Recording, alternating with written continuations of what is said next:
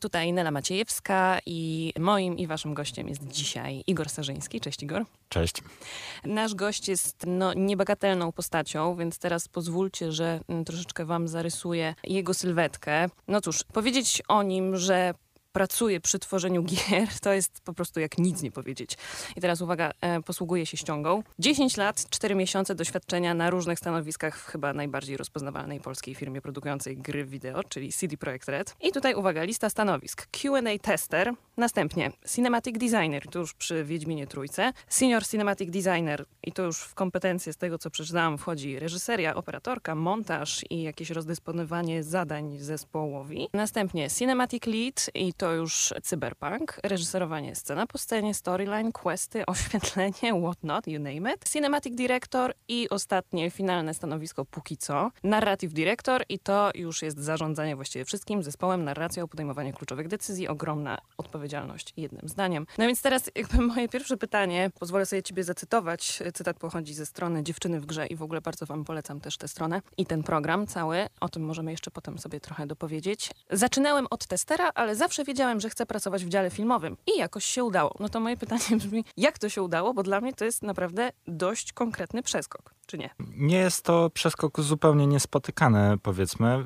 Y, wiele osób u nas w firmie zaczynało ze stanowiska testera i stamtąd awansowało wewnętrznie na stanowiska w innych, w innych działach. Właśnie miałem nawet dzisiaj rano taką refleksję, że część z moich najbliższych współpracowników teraz, powiedzmy, na tych wyższych stanowiskach, to są dokładnie ci sami ludzie, z którymi zaczynałem właśnie w QA, czyli jako tester Quality Assurance 10 lat temu. Jest to jest w ogóle coś... stanowisko, przepraszam, że wejdę słowo, to jest tak. w ogóle stanowisko, które jest cały czas dostępne na liście miejsc pracy w City Projekcie, więc jeżeli macie aspiracje wysokie, no to polecam wam zacząć od tego, bo jak widać tutaj na przykładzie mojego gościa, można zajść daleko, bardzo daleko. Nie jest to już tak proste jak kiedyś, ale też zachęcam do spróbowania. Mnie to ciekawi, jak to się stało, że co po prostu z dnia na dzień e, stwierdziłeś, a dobra, zakręcę się tam, bo właściwie to, to ten obszar mnie bardziej interesuje i tam bym chciał. Szczerze mówiąc, wiedziałem to od pierwszego dnia przychodząc, że bycie testerem nie jest moją docelową fantazją.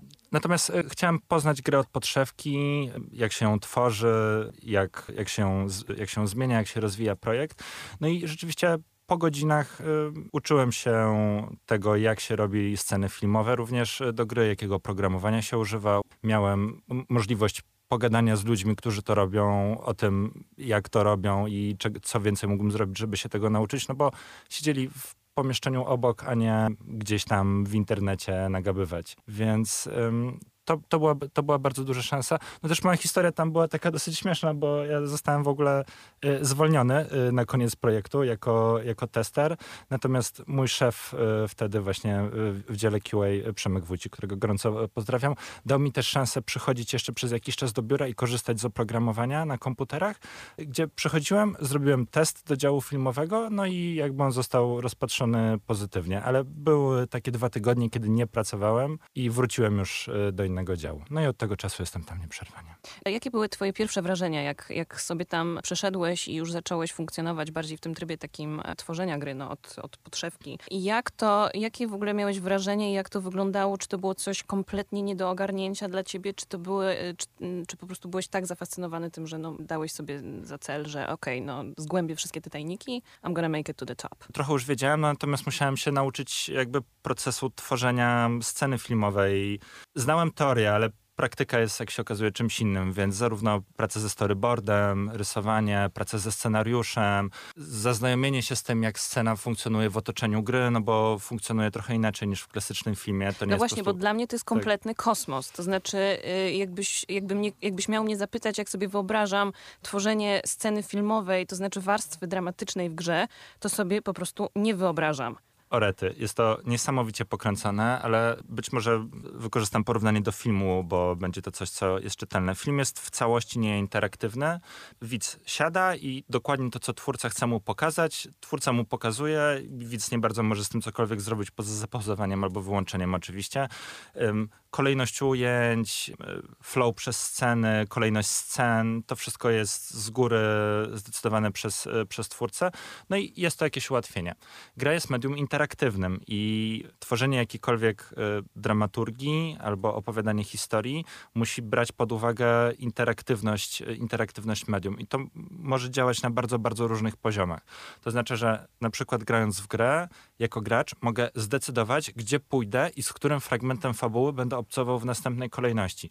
No my jako twórcy musimy wziąć to pod uwagę. Aha, to gracz najpierw poszedł tam i pogadał z tą postacią, a później z kolejną, no to być może ta druga scena powinna już uwzględniać to, że najpierw wziął udział w tej pierwszej. Może też to zrobić na odwrót. I tu podaję przykład dwóch scen, ale generalnie w środku gry, na przykład przynajmniej w takich grach, jak my robimy, czyli Wiedźmin i Cyberpunk, takich opcji jest kilkadziesiąt, które gracz może podjąć i nie jesteśmy w stanie obsłużyć oczywiście każdej permutacji kolejności obcowania z fabułą, ale staramy się brać pod uwagę przynajmniej takie mm, kluczowe punkty. No i teraz tworzenie sceny filmowej no znów, jest różne w zależności od gry. Jak zaczynałem i pracowaliśmy przy Wiedźminie, Wiedźmin miał jeszcze taką połowicznie klasyczną strukturę, można powiedzieć, czyli był trochę wyraźniej podzielony między fragment, kiedy gram i po prostu biegam Wiedźminem po świecie, walczę z potworami, podróżuję, decyduję, gdzie chcę się udać, zwiedzam świat. I kiedy zaczynała się scena filmowa, to ona rzeczywiście wyglądała w miarę jak klasyczna scena filmowa. Są kamery, są postacie, one jakoś grają, y, jest montaż, y, to się ogląda. Natomiast w trakcie takiej sceny podejmuje się też wybory dialogowe,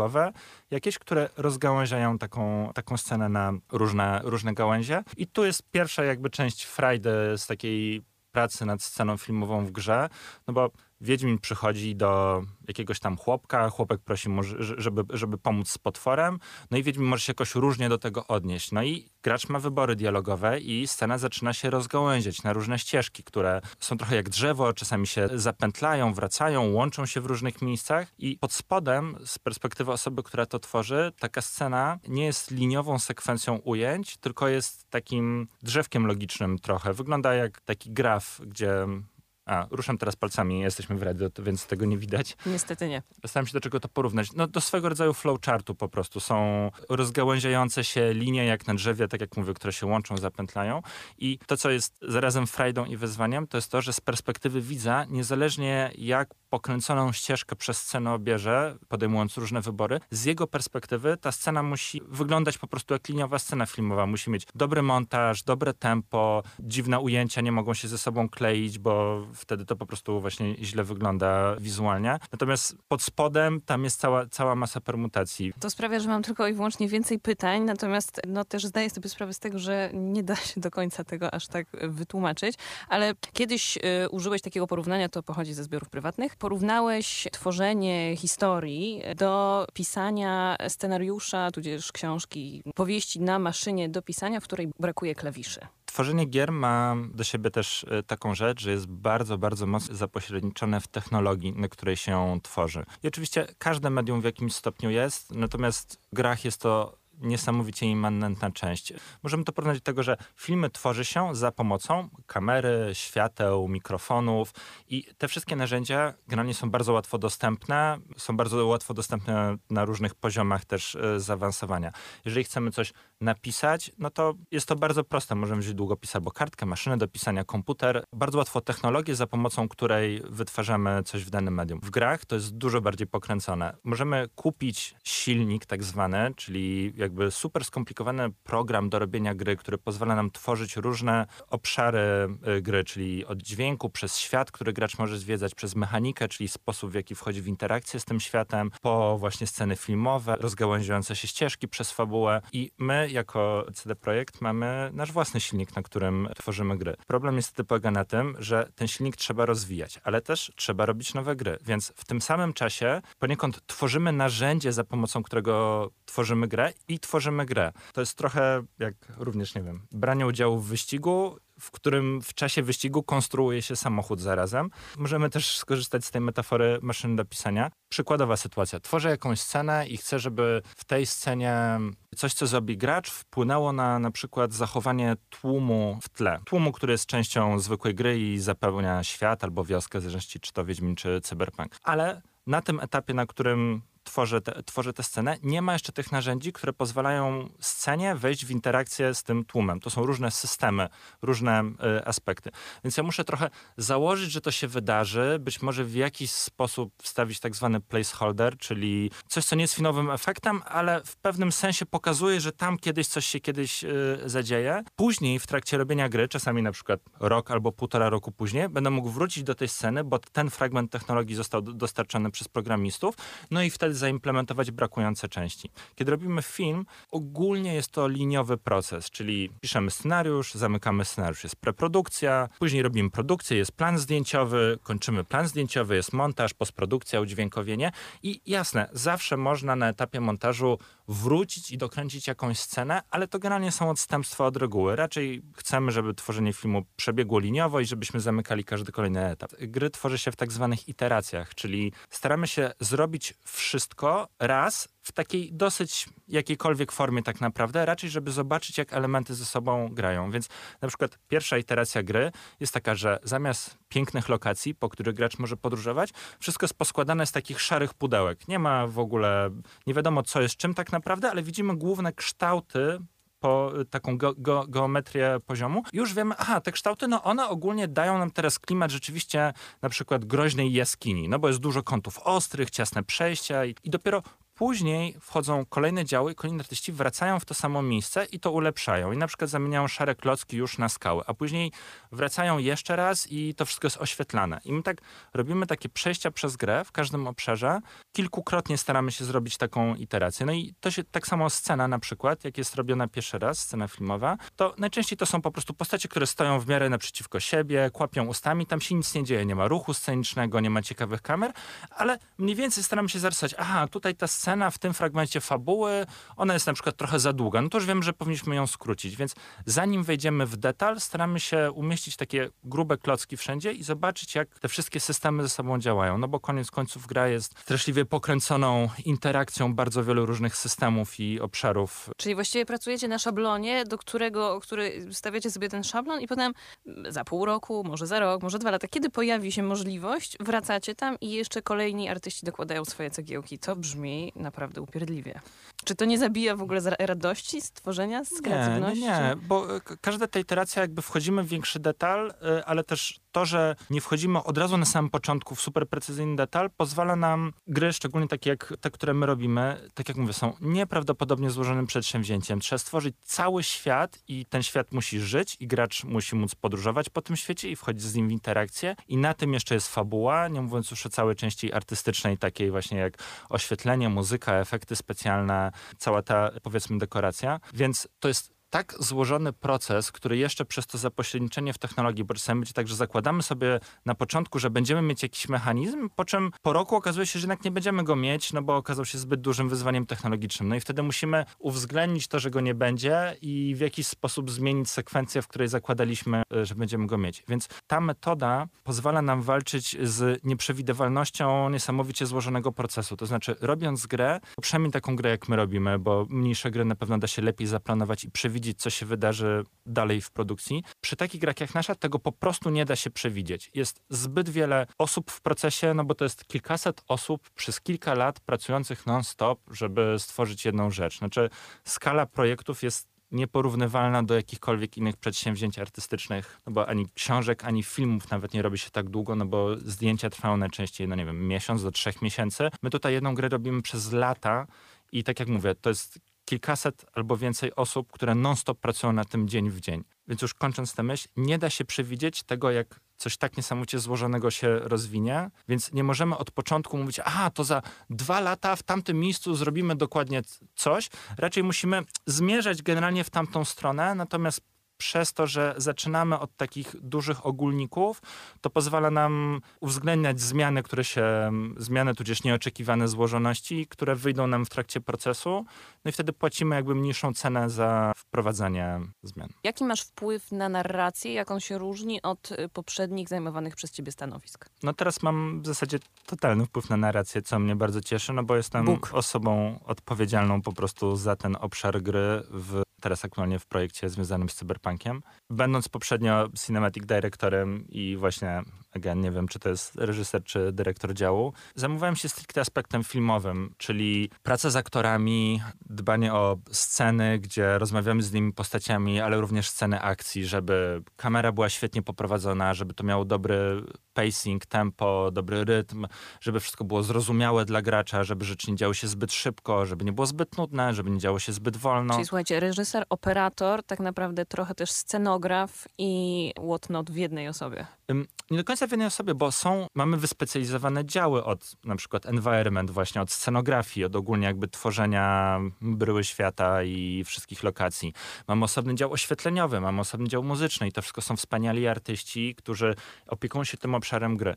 Dział filmowy poniekąd stara się, jak to reżyser, spiąć te wszystkie rzeczy razem ze sobą, żeby żaden element jakby nie odstawał. Czyli, no nie wiem, mamy smutną scenę, gdzie druga postać zwierza się bohaterowi, no to musimy zadbać, żeby wszystkie elementy w tej scenie współgrały na wspólny efekt. Czyli współdziałamy z działem story, scenarzystów, który oczywiście jakby od nich dostajemy scenariusz, na którym pracujemy, ale później możemy porozmawiać z działem oświetleniowym, że no tutaj być może, że ta pstrokacizna kolorowa nie do końca pozwala nam jakby oddać charakter tej sceny, więc może poszlibyśmy w bardziej stonowane, zdesaturowane na przykład niebieskie barwy. Rozmawiamy z działem muzycznym, co jest tak naprawdę esencją tej sceny, żeby oni też mogli na przykład napisać utwór, który będzie zrobiony tylko pod tę scenę, który na przykład wykorzystuje motywy, które są o jakimś temacie, który gdzieś tam wraca w obszarze gry. Y, możemy porozmawiać właśnie z kolegami i koleżankami od scenografii, że na przykład tło za postacią, tak jak my ustawiliśmy scenę, jest zbyt agresywne, tam za dużo się dzieje, to odciąga uwagę i czy moglibyśmy je trochę uspokoić i na przykład zamiast bardziej ostrych, trójkątnych kształtów poszukać tam czegoś bardziej obłego na przykład i oni tam mogą coś podmienić wtedy albo trochę obrócić obiekty i tak dalej. Więc nie do końca dział filmowy to robi, ale dział filmowy komunikuje się z tymi wszystkimi działami, żeby stworzyć fajne doświadczenie właśnie narracyjne, emocjonalne, poruszające, wciągające, takie, że gracz nie myśli o tym, że gra w grę, tylko po prostu jest jakby w tym świecie i zapomina o tym, że gra w grę. Tym zajmowałem się w dziele filmowym, jakby spaniem tego, a teraz jako um, ten narrative director, jakkolwiek by to nie brzmiało, to jest jeszcze trochę szersza funkcja, no bo to jest ogólnie zastanawianie się, jakie historie opowiadamy jako firma, jako, y, jako twórcy i w jaki sposób je opowiadamy. Czyli to też będzie się przekładało, na przykład mam dużo więcej pracuję ze scenarzystami, którzy w stosunku do działu filmowego są po prostu osobnym działem jakby współpracującym. Ja teraz mam pod sobą i dział filmowy, i scenarzystów, i dział tak zwanych questów, które są też super ważną częścią robienia gry. Quest to jest fragment gry, możemy powiedzieć, ale też dział questów zajmuje się przekuciem fabuły na grę, czyli na coś, co gracz może robić. Czyli scenarzyści powiedzmy piszą historię o, no nie wiem, powiedzmy, że jesteśmy w uniwersum Wiedźmina, o wampirze zabójcy, który grasuje gdzieś tam po mieście i to jest ogólnie historia z takim detektywistyczno-noir klimatem. A dział questów bierze ten scenariusz i zastanawia się, no dobra, ale to co konkretnie gracz robi wobec tego, jakby próbując przeżyć tę historię. Aha, czyli musi gdzieś pójść, musi może z kimś walczyć. Później jest fragment śledztwa. Aha, to jakie systemy, które mamy w grze, możemy wykorzystać, żeby to opowiedzieć? A Wiedźmin ma wiedźmińskie zmysły. No dobrze, to rozrzucimy gdzieś tam jakieś e, wskazówki i teraz będzie fragment śledczy. O, później ktoś wyskoczy i będzie z nim walczył i to jest dobre, bo tu już zrobiło się powoli, to teraz musimy trochę przyspieszyć e, pacing na przykład. O, a później będzie fajnie gdzieś tam pójść i pojechać na koniu, a później zrobimy scenę fabularną, kiedy Wiedźmin e, przesłuchuje świadka na przykład. No i teraz mam te wszystkie działy pod sobą sobą, plus część ekspertów właśnie z działów sąsiadujących, które też wpływają na narrację, czyli udźwiękowienie, efekty specjalne, światło, environment, czyli y, scenografowie. Wszystkie te elementy razem składają się na narrację, więc ja w jakiś sposób ogólnie z góry to nadzoruję i oczywiście komunikując się z szefami każdego z tych, z tych działów, też żeby jakby uwzględnić ich wizję artystyczną, staram się po prostu zebrać to wszystko do kupy, żebyśmy na koniec mieli coś, co jest poruszające, emocjonalne, angażujące, fajne, mam nadzieję. 30 tysięcy milionów godzin pracy. Jest to bardzo dużo pracy. Te projekty zajmują ogólnie tak dosyć długo, no tak jak mówię, no, y, dłużej niż filmy, no ale też oferują więcej czasu. No, na przykład w samym Wiedźminie trzecim samych scen filmowych, takich, które nie są grą grą, gdzie się podróżuje po świecie, mieliśmy chyba 40 godzin albo niewiele mniej. No to ile to jest filmów pełnometrażowych, to można sobie jakoś tam łatwo przeliczyć. Chyba, że reżyseruje Alan J. Pakula.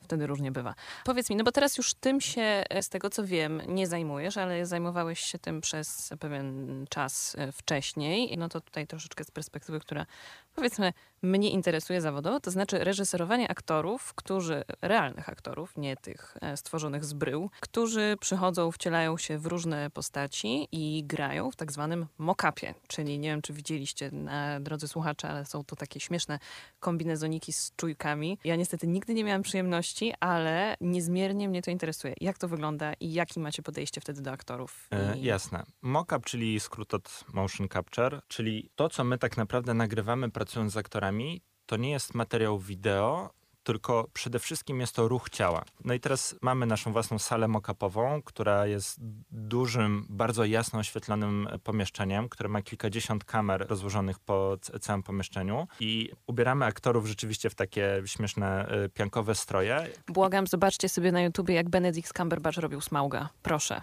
Proszę, zróbcie to dla siebie, y, umilcie sobie ten dzień i obejrzyjcie go, albo ten wieczór, nawet lepiej. I zobaczycie też na pewno oglądając, akurat wydaje mi się, że Benedikt jeszcze miał markery, czyli te takie świecące punkciki, miał je również na twarzy, czyli tam przy okazji robienia Hobbita oni łapali nie tylko ruch ciała, ale może przede wszystkim tak naprawdę ruch, y, ruch twarzy, to są drobne markery właśnie w różnych kluczowych miejscach. I markery na kombinezonie przede wszystkim są umieszczone na tak zwanych jointach, czyli każdym miejscu, w którym ciało się rusza albo zgina. Nadgarstek, łokieć, ramię i tak dalej, i tak to są dalej. stawy po polsku, jakbyście nie wiedzieli. I to, co się dzieje na mokapie, to aktor rusza się w tym stroju. Te punkciki umieszczone na stawach, na wszystkich y, zgięciach są takimi jasnymi kulkami, które w tym jasno oświetlonym pomieszczeniu odbijają światło podczerwone do kamer, które są rozłożone po tym. I to, co my na koniec dostajemy, to jest w 3D y, ruch szkieletu po prostu ludzkiego. I bierzemy ten ruch, oczyszczamy go z jakichś tam błędów albo gliczy i później mamy to jako animację w grze i na tą animację możemy nałożyć dowolny model 3D dowolnej postaci. Więc mogę nagrać animację tańczenia i mam zapisany ruch całego szkieletu w 3D w czasie, każdego dokładnie punktu na ciele, jakby każdego tego stawu, jak on się przemieszcza w przestrzeni 3D w czasie. I na ten ruch mogę sobie narzucić jakby już w, w obszarze gry dowolną, dowolną postać. Więc tak, jedno to jest nagrywamy ruch. Drugie, mimo wszystko wciąż nagrywamy tak zwane referencje wideo, czyli mimo wszystko kręcimy wideo z tak zwanych kamer referencyjnych i one są później e, ten materiał wideo, nie wykorzystamy go bezpośrednio, ale on jest referencją dla działu animatorów, o którym swoją drogą zapomniałam mówiąc wcześniej, za co bardzo przepraszam, jeżeli mnie coś słuchają. Jesteście super. Y, jesteście super i bez was niczego by nie było. Animatorzy, którzy biorą ten ruch nagrany na mockupie z aktorami, po pierwsze oczyszczają z różnych błędów, a po drugie dokładają jeszcze tą swoją część kunsztu swojego, odrobinę podkręcając ten ruch czasami, czyli jakiś ruch nadgarstka, ruch palców, y, żeby to wszystko miało jeszcze swój taki odpowiedni wyraz, pasujący na przykład do postaci, na której chcemy później tego ruchu y, użyć w grze. W różnych i studiach growych, ale przede wszystkim w filmie, i tak jak właśnie mówiliśmy o Smagu z Hobbita, granego przez e, Benedykta, nagrywa się też ruch twarzy i to są, to jest odpowiednik tych samych markerów, ale już bardzo precyzyjnie rozmieszczony wokół ust, no jakby na całej twarzy kolejnych kilkadziesiąt markerów. Dla nas jest to o tyle trudne, że nasza gra jest w pełni lokalizowana, czyli ma pełen customowy voiceover w 10 różnych językach. I nie moglibyśmy nagrywać ruchu twarzy polskich aktorów, na przykład, którzy grają linijki, ponieważ i tak mamy systemy w obszarze gry, które po przetłumaczeniu linijek generują ruch ust i twarzy, tak jak linijki są wypowiadane w różnych językach. Więc można sobie wow. też zobaczyć na YouTubie, że mamy tę samą postać, która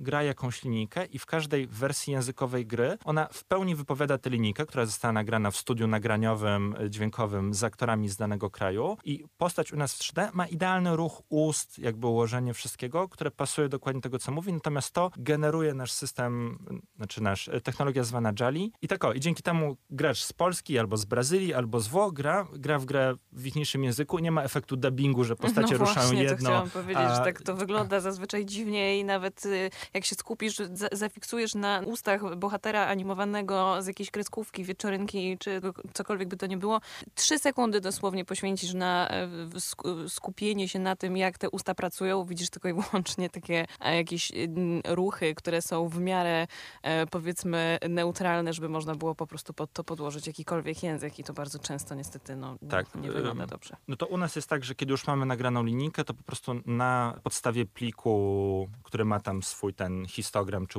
waveform, jest generowany, jest generowana animacja twarzy twarzy, głównie wokół ust i policzków. I teraz my jeszcze później w, w, w obrębie gry na, ten, na tą wygenerowaną animację twarzy możemy jakby ją jeszcze zawsze zedytować, dorzucić więcej animacji na, na czoło, na oczy albo cokolwiek innego. Natomiast to jest dla nas baza i dlatego też nie ma do końca sensu nagrywać tych twarzy z aktorami.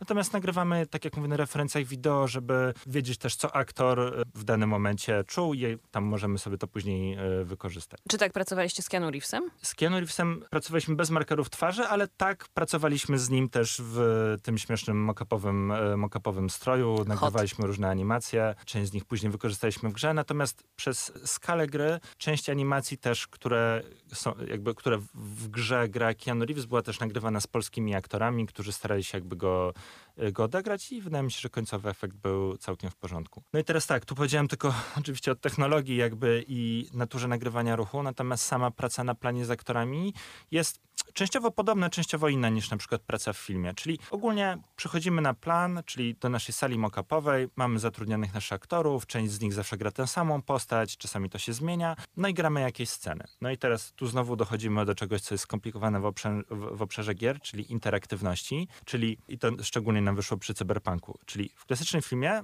aktorzy po prostu grają, to jest zmontowane, to się dzieje, nie ma jakby do końca, widz nie ma na to wpływu. U nas jest tak, że teraz na przykład jak my siedzimy tutaj sobie w radio, siedzimy i rozmawiamy, pojawiają mi się op jakieś opcje dialogowe jako, y, jako graczowi, ty w tej chwili siedzisz i podpierasz brodę, no i w filmie po prostu mój bohater, ja, powiedziałby kolejną rzecz i to by się działo. Natomiast w obszarze gry może być tak, że gracz na przykład postanowi przez chwilę nie wybierać żadnej linijki, albo może postanowi pójść gdzieś jeszcze i wrócić później. No i twoja postać nie może w tym momencie się zamrozić i zatrzymać kompletnie w totalnie statycznym ruchu. Musi wciąż żyć i mieć jakby swoje życie. Więc jest w tak zwanym idlu, czyli w takim stanie, kiedy czeka jakby na gracza, ale też, że wciąż siedzi, rusza się, rozgląda, podrapie się po głowie, może czasami coś powie. I my, nagrywając scenę z aktorami, musimy dokładnie wiedzieć, które fragmenty są poniekąd nieinteraktywne, czyli gracz klika jakiś wybór, przez chwilę dzieją się rzeczy, zanim dotrze do kolejnego wyboru i wtedy aktor może sobie pozwolić zagrać coś bardzo pod kamerę, pod, yy, pod dany moment i musimy wiedzieć, gdzie są te momenty, kiedy gracz ma więcej kontroli i może na przykład odejść, obrócić się, stanąć z drugiej strony postaci. Na przykład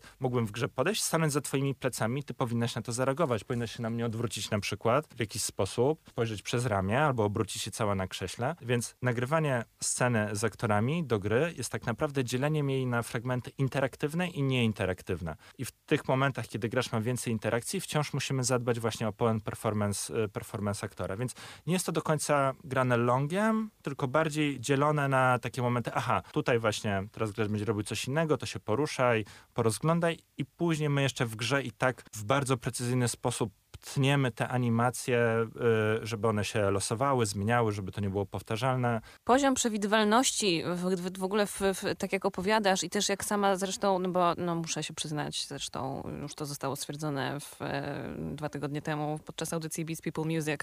Nerd Alert. Jestem absolutnie ultra turbo hiperfanką e, cyberpunka i no właśnie grając też zastanawiałam się, jak to jest, że naprawdę bierzecie pod uwagę, to jest że w ogóle jest zespół ludzi, którzy jest w stanie, który jest w stanie przewidzieć to, gdzie gracz spojrzy, co zobaczy, że ten świat się nie kończy, że gracz się może obrócić, yy, przykucnąć, wypróbować sobie wszystkie te ruchy, które ma dostępne w, na napadzie, tudzież na, na komputerze, na klawiaturze. Po prostu całe to ogromne spektrum, które jest świata, który jest wykreowany i ma wrażenie, daje wrażenie nieskończonych możliwości. One oczywiście są skończone, ale jak się w tym świecie egzystuje, no to masz wrażenie, że możesz zrobić praktycznie wszystko. To jest jakaś część tej pracy, którą bardzo, yy, bardzo lubię. To jest manipulowanie graczem, można by powiedzieć, ale tak, żeby był szczęśliwy.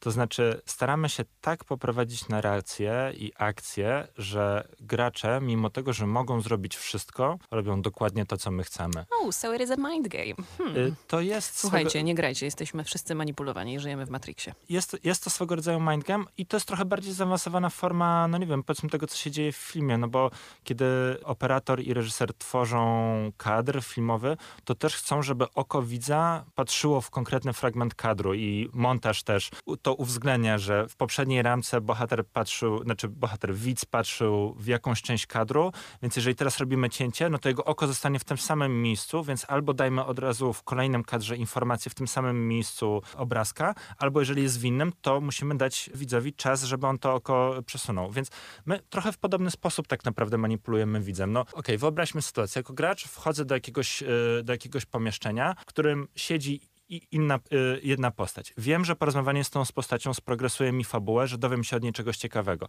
Jestem być może w tę postać zaangażowany emocjonalnie. No okej, okay, wchodzę do tego pomieszczenia jako gracz, no jasne, mogę skakać po stołach, mogę zacząć strzelać w sufit, ale prawda jest taka, że gracze w 98% przypadków chcą po prostu grać w grę i chcą dostać tak zwany najbardziej atrakcyjny content, my tak na to y, jakoś y, sobie tak to nazwaliśmy, most attractive content, czyli ludzie generalnie chcą dostać wartość z tego, za co zapłacili pieniądze, więc oczywiście mogą robić jakieś głupoty, ale jeżeli mają szansę porozmawiać z fajną postacią, która będzie do nich patrzyła, zwracała się, będą mieli wybory, będą w to zaangażowani emocjonalnie, no to wiadomo, że raczej pójdą z nią pogadać. No i kolejnym krokiem jest, czy staną za jej plecami, czy staną od frontu. Wiadomo, że wszyscy jesteśmy, mamy naturalną inklinację, żeby patrzeć sobie na twarze. Twarze są sposobem, w jaki łączymy się z innymi ludźmi y, poniekąd. No więc gracz może stanąć za plecami postaci, którą podaliśmy, ale większa szansa, że raczej stanie od jej, od jej frontu. Możemy to wspomóc oświetleniem, y, kompozycją, kompozycją przestrzeni i upewnić się, że wszystko świadomie i podświadomie będzie mówiło graczowi stań tu i porozmawiaj z, tam, z, z innym bohaterem. Ja jeszcze chciałam dopytać, bo ty też y, interesujesz się prywatnie bardzo kinem i w ogóle tworzeniem e, od podstaw. Więc e, jaki jest e, twój stosunek w podejściu, to znaczy, no bo mm, nie wiem, czy możemy zdradzić naszym słuchaczom, że mm, pracujesz obecnie nad jakimś projektem. Jeżeli nie, to, to wytniemy. W każdym razie, jak ten proces dla ciebie, mm, jakie budzi emocje? To znaczy, jak, jak różne budzi emocje? Tworzenie przez ciebie pra, praca w, w CD Projekt Red, tworzenie tej narracji, a tworzenie tej narracji linearnej, filmowej. Kocham obie te rzeczy. To są trochę inne, bo też y, na przykład piszę właśnie teraz y, scenariusz z moją przyjaciółką. Klasyczny scenariusz y, filmowy, filmu pełnometrażowego. I to jest z jednej strony bardzo fajne, bo my mamy kontrolę nad wszystkim, dokładnie właśnie, ponieważ jest to scenariusz filmowy, więc nie musimy uwzględniać interaktywnego gracza, który w obszarze gier, po prostu gracz też jest nieprzewidywalnym aktorem w scenie i my możemy tam spróbować coś mu podać, ale gracz zdecyduje, że chce zrobić coś innego, on po prostu zrobi coś innego i to jest jakby część tego medium. Więc tworzenie zwykłych filmów, powiedzmy, jest fajne, bo ma się nad tym pełną kontrolę i y, no to daje jakieś poczucie sprawczości. Również y, na przykład pisanie scenariusza jednoosobowo albo dwuosobowo, to jesteśmy tylko my w procesie. Again, jakby może być to dużo bardziej autorskie. Robienie gry jest gigantycznym przedsięwzięciem na kilkaset osób i graczem, który później już gra w grę i może robić swoje rzeczy, więc trzeba się pogodzić z oddaniem pewnej ilości kontroli y, w tym procesie i w tym też jest coś super fajnego i pięknego, co bardzo lubię. W grach na przykład, takim zespołem na przykład jak zespół narracyjny, którym się teraz zajmuję, w którym jest prawie 100 osób, no jasne, możemy ja mogę jako, powiedzmy, jakoś tam reżyser tej narracji wyznaczyć jakiś kierunek, wiedzieć, czego mniej więcej chcę od każdego fragmentu fabuły, o czym on powinien być. Natomiast koniec końców ten zespół to są wspaniali artyści, twórczy ludzie. Oni też chcą coś od siebie dać do tego projektu i to jest absolutnie ekstra, że to, co ja wymyślę, nie zawsze będzie, na, na końcu nie zawsze dostanę to, co sobie y, zamierzyłem. Ale, ale, może to się okazać na przykład lepsze niż sobie zamierzyłeś. To często, to często się okazuje lepsze, bo jedna osoba po prostu nie jest w stanie być tak nie prawdopodobnie kreatywna jak 100 osób, jest to zupełnie jasne. I zaakceptowanie tego, że ten proces zabierze nas w miejsce, którego się nie spodziewaliśmy, jest, no jest takim trochę też czasami buddyjskim ćwiczeniem właśnie zadawania kontroli i po prostu akceptowania tego, jakie życie jest, ale jest czymś niesamowicie fajnym i bardzo odkrywczym. E, za, za, każdym razem gadam właśnie z jakimś zespołem, mówię, a teraz mieliśmy taki pomysł. Ja tak, o kurczę, w ogóle o tym nie pomyślałem, ale to jest świetne, to jest w ogóle dużo, e, dużo lepsze. Więc tak o, więc są to innego rodzaju doświadczenia, każdy ma swoje wady i, y, i zalety, ale kocham absolutnie oba. Ja bym nie wychodziła z takiej pracy chyba w ogóle. A czy mogę spytać, czego się możemy spodziewać od CD Projekt Red w najbliższych, e, w najbliższych latach? No bo jednak to są lata. Nie wiem, ile wolno mi powiedzieć. Na pewno wciąż chcemy y, rozwijać y, świat cyberpunka i zaoferować graczom nowe przygody w tym obszarze. No, być może chcielibyśmy też kiedyś wrócić do świata Wiedźmina, no bo jest to wspaniały, bogaty świat. Teraz też zresztą jeszcze lepiej rozpoznawalny dzięki serialowi Netflixa i, i tutaj czuję też, że mamy potencjał na jakąś taką fajną synergię i z y, książkami y, pana Andrzeja Sapkowskiego i z serialem i grą i że wszystkie te trzy różne media, który, za pomocą których można obcować z tym uniwersum, dosyć fajnie mogą się wzajemnie jakby napędzać, y, napędzać i rozwijać. Nie mogę dać już dużo więcej detali. ym, Mam nadzieję, że za jakiś czas jako firma podzielimy się czymś więcej. I tutaj postawimy kropkę, a raczej no, tak naprawdę powinien być to wielokropek, ponieważ temat, jak sami e, mieliście okazję teraz e, się przysłuchać, jest wielokrotnie złożony i można by o nim siedzieć i gadać. I gdyby nie to, że kończy nam się czas w studiu, to tak naprawdę e, moglibyśmy tutaj pewnie siedzieć jeszcze przez następne pięć godzin i na ten temat rozmawiać. Bardzo, bardzo Wam dziękuję za to, że byliście dzisiaj z nami. Dziękuję Tobie, Igor, że przyszedłeś Dziękuję bardzo. i słyszymy się już całkiem niebawem.